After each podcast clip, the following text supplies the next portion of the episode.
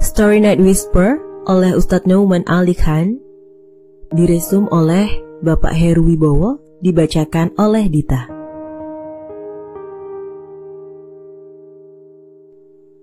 Kisah ini adalah kisah yang beda. Kisah tentang Adam alaihi salam. Kita pikir kita tahu ceritanya. Tapi ada potongan-potongan cerita yang penting.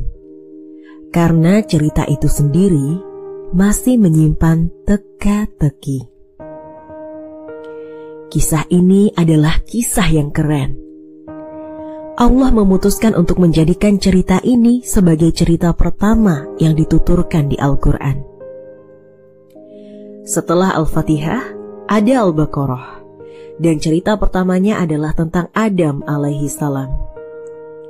Tujuh kali cerita ini diulang di tempat yang berbeda di Al-Quran. Masing-masingnya selalu ada tambahan sesuatu yang baru. Ustadz Nauman bercanda bahwa orang-orang yang datang ke Story Night Jakarta adalah orang-orang yang agamis atau religious, sehingga mereka tidak menonton bioskop. Saat nonton film, astagfirullahaladzim, kita melihat adegan atau scene dari satu sudut pandang. Di Al-Quran ada tujuh adegan yang ditampilkan ulang sehingga kita bisa membuat hubungan atau connection antara adegan satu dengan adegan yang lainnya. Di Al-Baqarah misalnya, dituturkan cerita dari sudut pandang malaikat. Sedangkan di Al-A'raf, Allah menuturkan ceritanya dari sudut pandang iblis. Jadi kita mendapatkan dua sudut pandang. Fokus Story Night kali ini adalah mencoba memahami cerita Nabi Adam alaihi salam dari sudut pandang iblis. Biasanya iblis mencoba masuk ke kepala kita.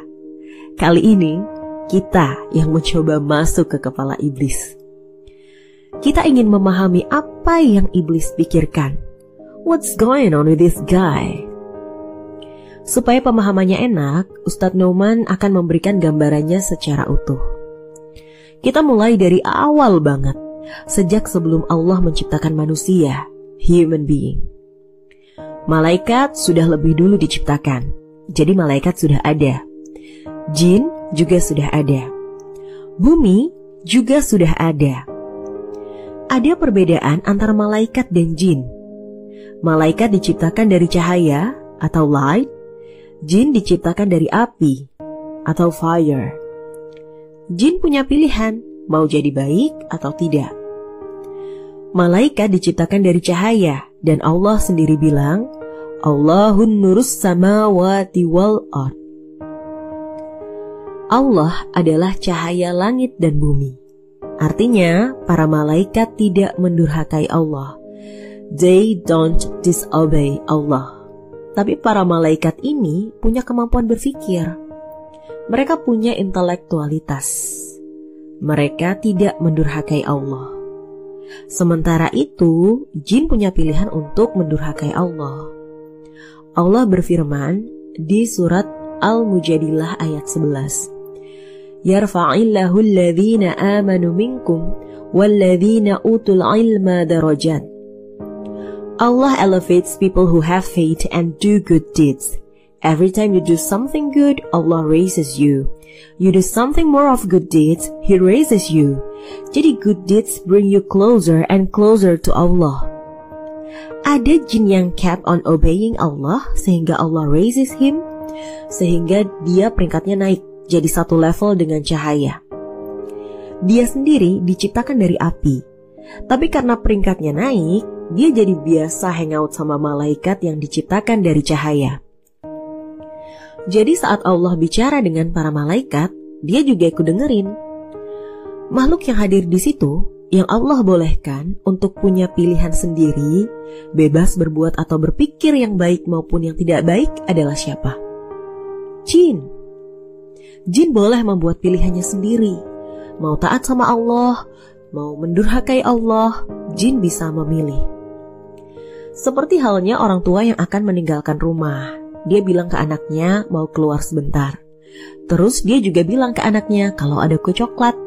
Dia kasih tahu bahwa anaknya gak boleh makan kue coklat itu.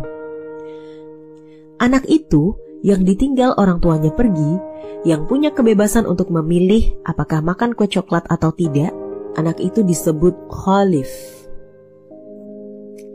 Kata khalif berasal dari kata khalf yang artinya di belakang.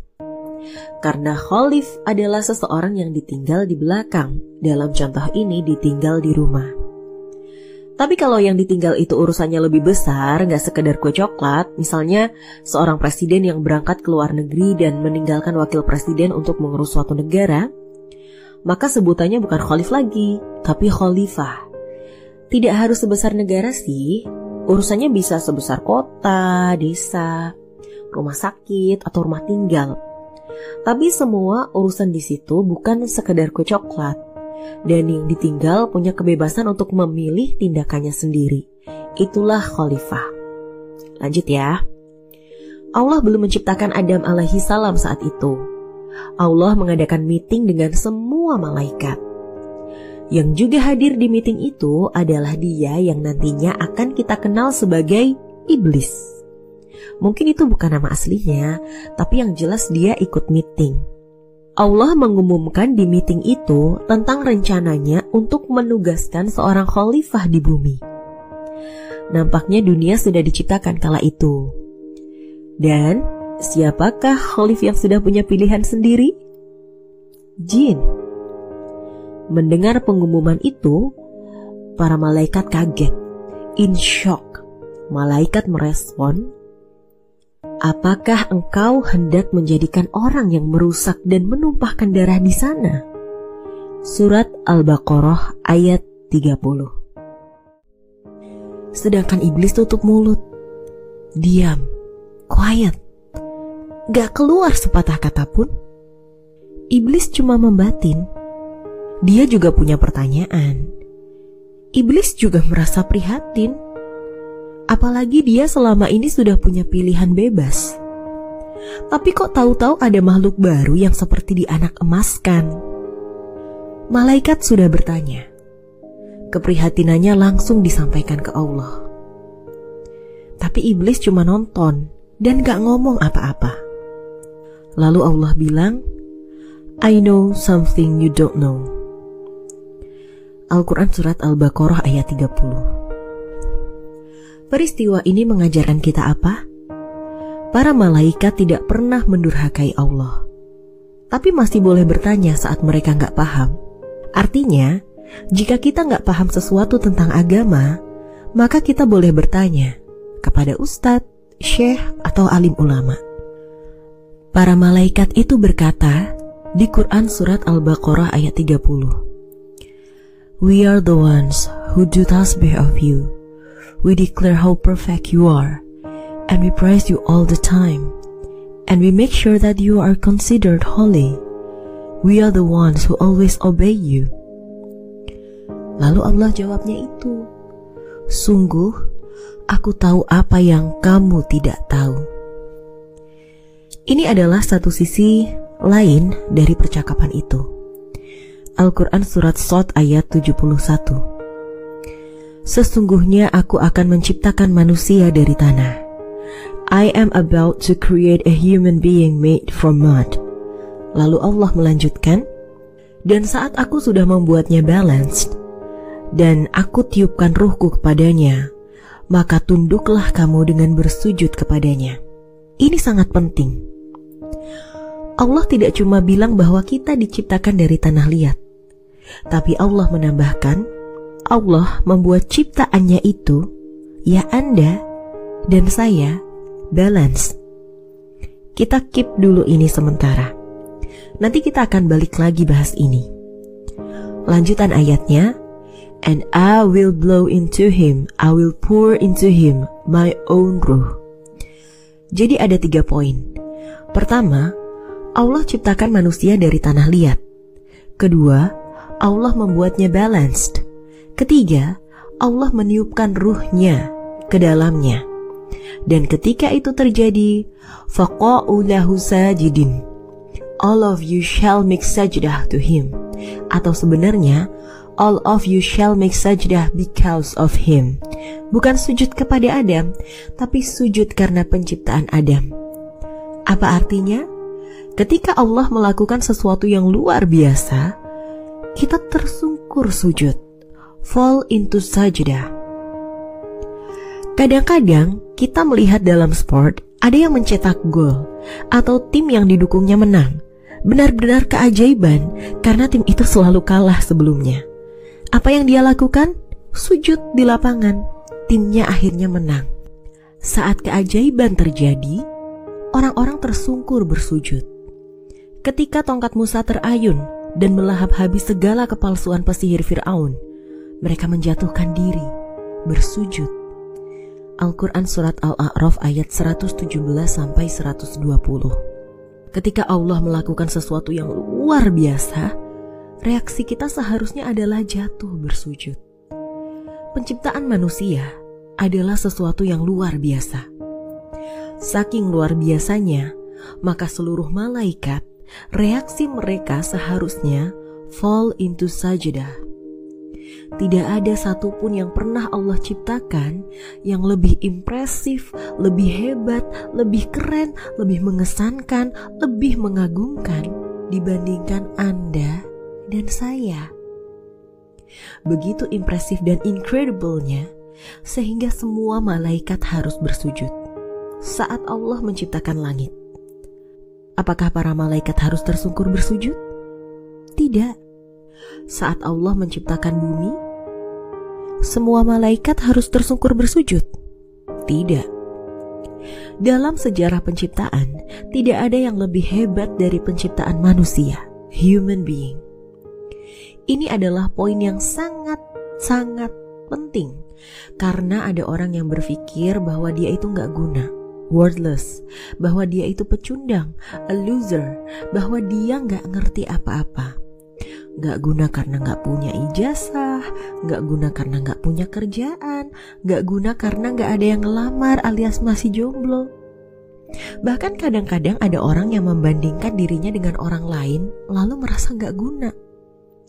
Atau justru ada orang tua yang bilang ke anaknya bahwa anaknya itu nggak guna dan lama-kelamaan, anaknya ini menerima repetisi indoktrinasi sehingga ikut-ikutan berkonklusi bahwa dia memang gak guna. Padahal kisah Nabi Adam ini diawali dengan begitu dahsyat dan luar biasanya penciptaan Anda dan saya, manusia. Ustadz Nauman Ali perlu meluruskan sejarah karena ada sebuah versi kisah Nabi Adam yang menekankan betapa berdosanya Nabi Adam sehingga harus diusir dari surga dan turun ke bumi. Sehingga it's okay untuk berpikir bahwa manusia itu memang loser. Jadi silahkan pikirkan sendiri, mana yang lebih masuk akal? Kisah awal manusia itu nuansanya negatif, terusir dari surga, atau positif, luar biasa dan disambut dengan sujudnya seluruh malaikat.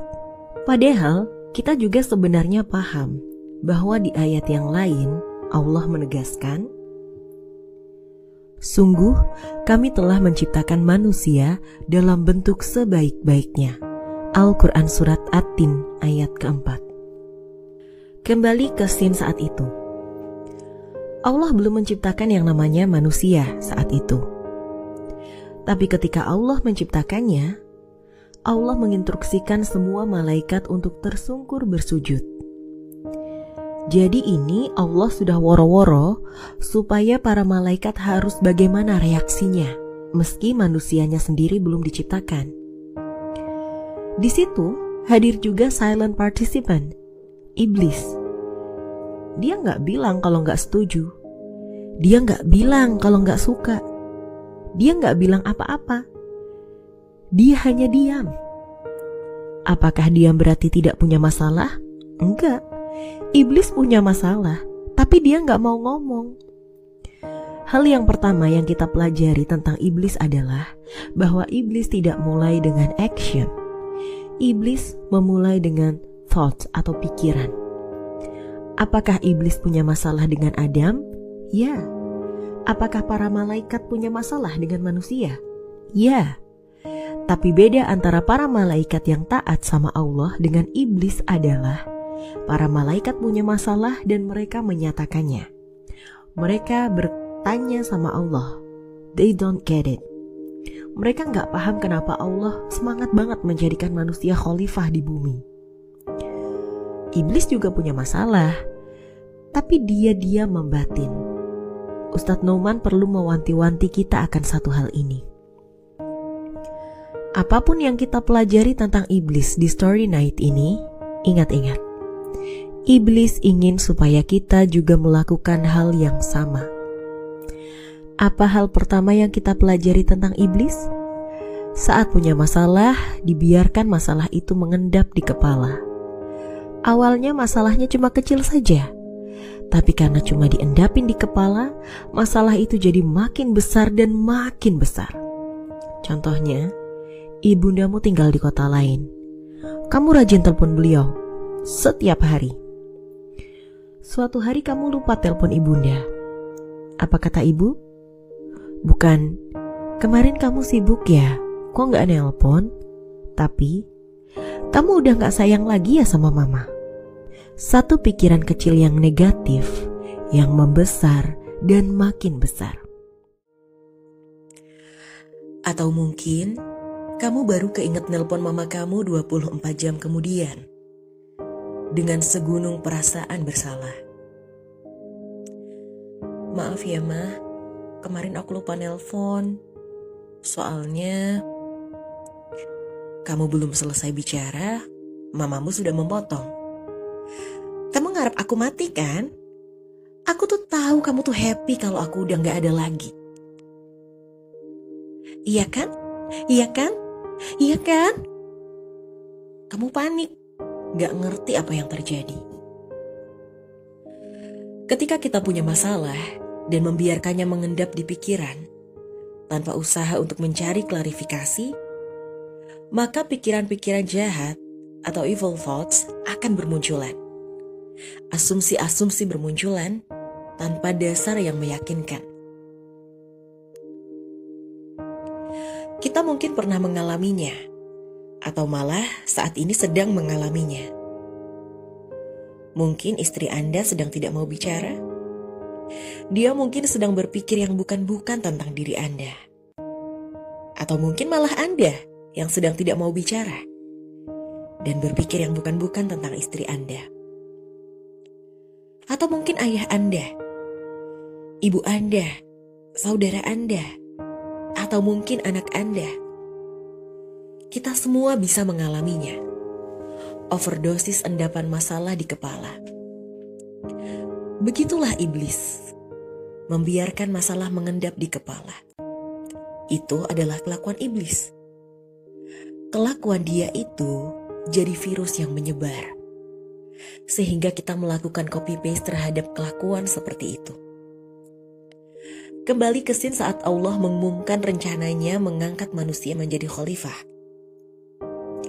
Apakah pengangkatan manusia menjadi khalifah itu mengambil, merenggut, mengurangi kenikmatan atau sesuatu apa pun dari iblis? Tidak. Apakah memungkinkan Allah memberikan penghargaan kepada iblis dengan cara tertentu dan memberikan penghargaan kepada Adam dengan cara yang berbeda? Ya, memungkinkan. It's possible. Tapi iblis gak mau terima itu. Saat mendapat apresiasi dari Allah, iblis has no problem. Tapi iblis tidak mau terima saat Adam mendapat apresiasi dari Allah. Seolah-olah iblis mengklaim bahwa dirinya lah yang lebih pantas untuk diapresiasi. Dari mana Adam tiba-tiba mendapat apresiasi kekhalifahan itu? Dan iblis ingin supaya kita juga seperti itu. Supaya kita ingin kitalah yang diapresiasi. Kita tidak ingin ada orang lain yang mendapat apresiasi.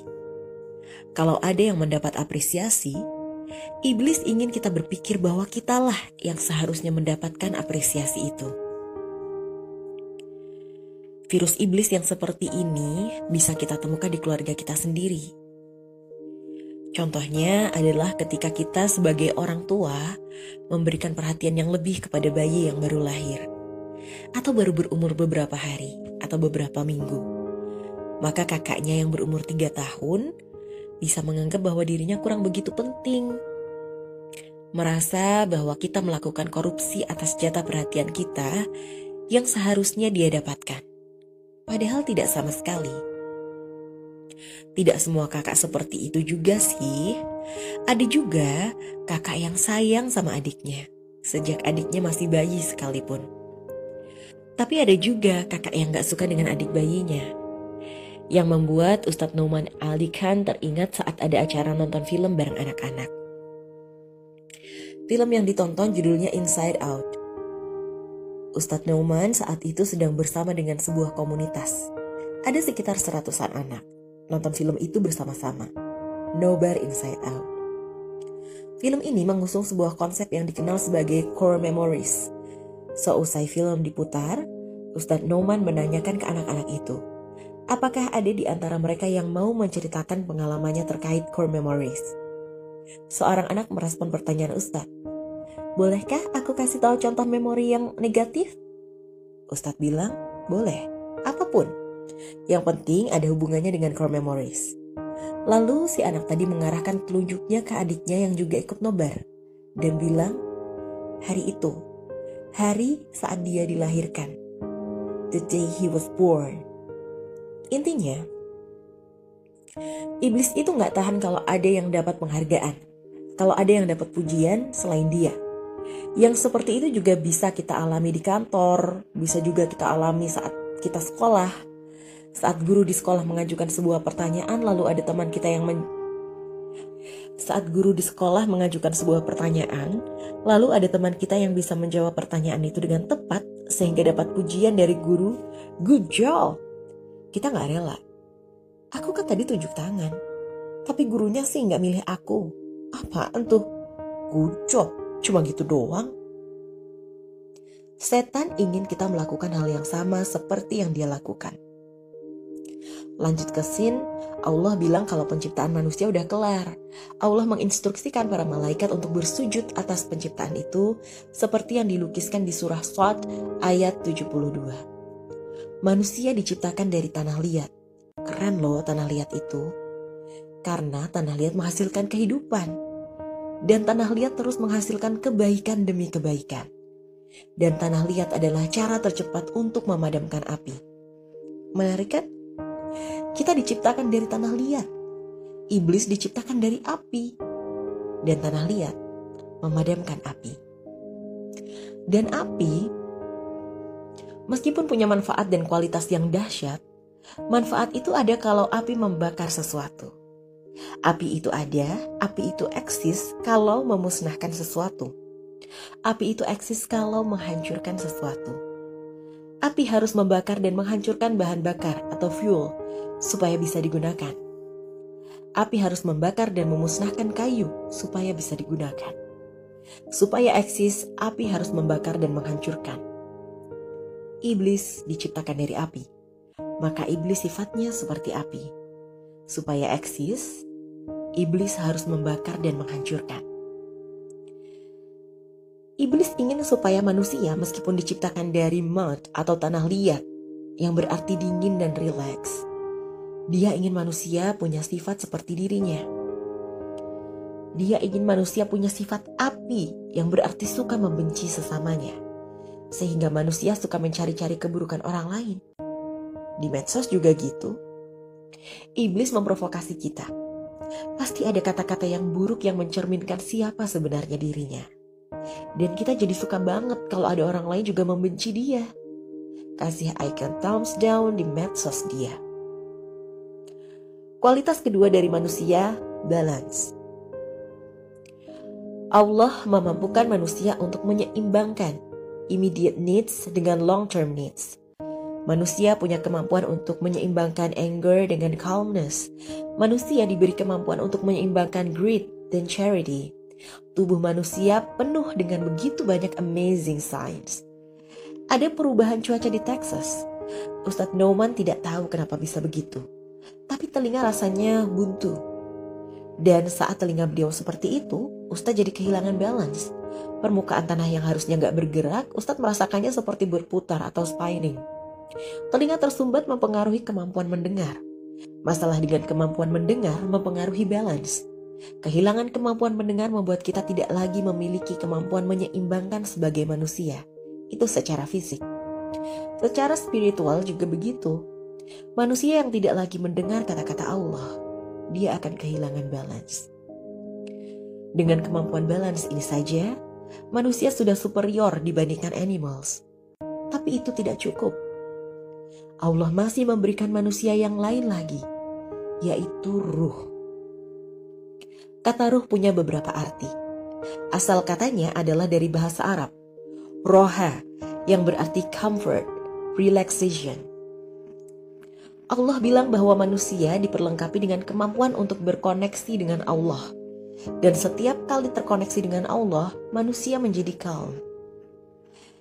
Ala bidzikrillahi tatma'inul qulub. Hanya dengan mengingat Allah, hati menjadi tentram. Al-Quran Surat Ar-Ra'd ayat 28 Sesuatu telah ditiupkan Allah masuk ke dalam diri kita yang namanya ruh. Aku tiupkan ruhku ke dalamnya. Al-Quran Surat Short ayat 72 Ruh itu berasal dari Allah. Min ruhi. Dengan begitu manusia bisa menyalin copy some of the most beautiful qualities of Allah Himself Allah Maha Bijaksana. Manusia selalu ingin mendapatkan lebih banyak lagi kebijaksanaan. Allah Maha Pencipta. Manusia selalu ingin menjadi kreatif dan menciptakan sesuatu. Allah Maha Tahu. Manusia selalu ingin mendapatkan lebih banyak lagi pengetahuan. Tapi manusia bisa menyalakan cahaya yang sudah Allah berikan di dalam dirinya dan membuat pilihan yang bagus. Dan jikapun kadang-kadang gagal atau berbuat kesalahan, manusia masih bisa memohon pengampunan dari Allah dan bisa memperbaiki diri. Itu adalah bagian yang menjadi satu paket dari ujiannya. Masing-masing manusia bisa beda-beda ujiannya.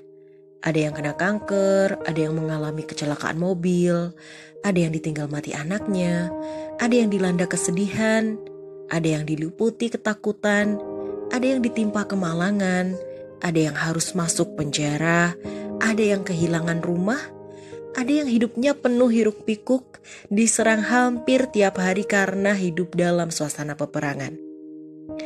Tapi terlepas dari apa pun ujiannya, jika manusia telaten menghadapinya, berjuang supaya lulus tes alias masih terus taat sama Allah, sudah disiapkan hadiahnya oleh Allah.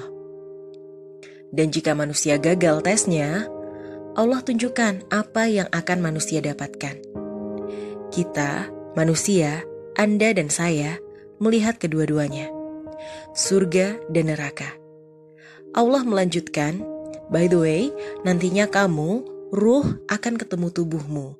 Kamu akan bangun melihat dunia, dan kamu tidak akan mengingat percakapan ini.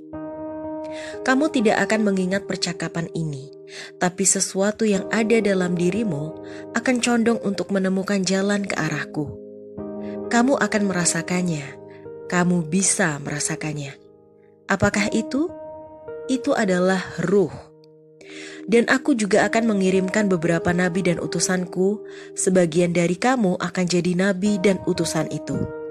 Nabi dan utusanku akan bicara denganku dan akan membantu mengingatkan dirimu tentang cahaya yang sudah pernah aku berikan kepadamu.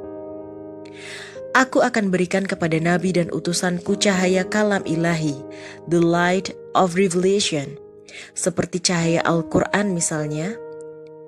Dan cahaya Al-Quran itu akan terkoneksi dengan cahaya yang sudah kamu miliki. Akan menjadi cahaya di atas cahaya, light over light, nurun ala nurin. Lalu pertemuan dua cahaya itu memungkinkan kamu untuk melangkah di jalan yang benar. Gitu aja sih gambaran ujian yang nanti kalian akan jalani. Apakah kalian akan ambil tantangan ini atau tidak? Itu pilihan kalian. Kalian lulus sudah ada hadiahnya. Kalian gagal juga ada konsekuensinya.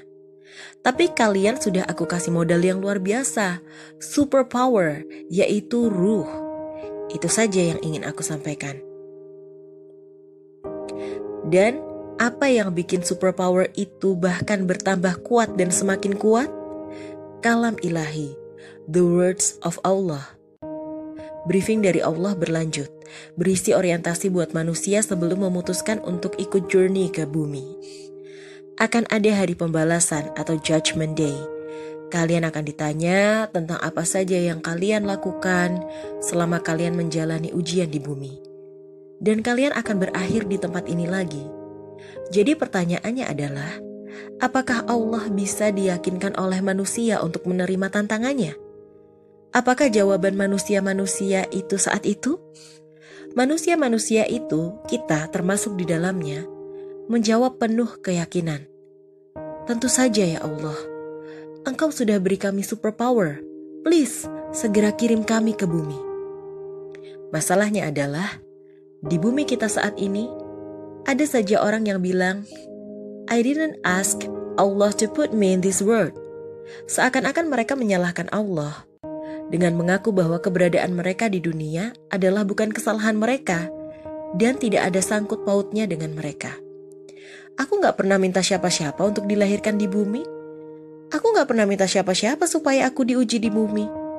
Aku gak pernah minta untuk dilahirkan di dunia. Quran bilang, Ya, kamu pernah. Kamu udah daftar waktu itu, my friends. Kamu udah sign up untuk tantangan ekspedisi ke bumi. Kamu udah dengar juga Allah bilang, Alas tu bi rabbikum. Am I not your master? Dan kamu jawab, Yeah, of course, you are. You are my master.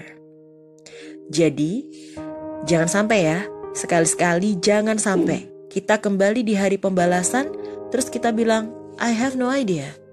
Jangan sampai kita bilang, bahwa Allah nggak pernah kasih briefing sebelumnya. Demikian Story Night Whisper part 1D 1. Sampai ketemu di Story Night Whisper berikutnya.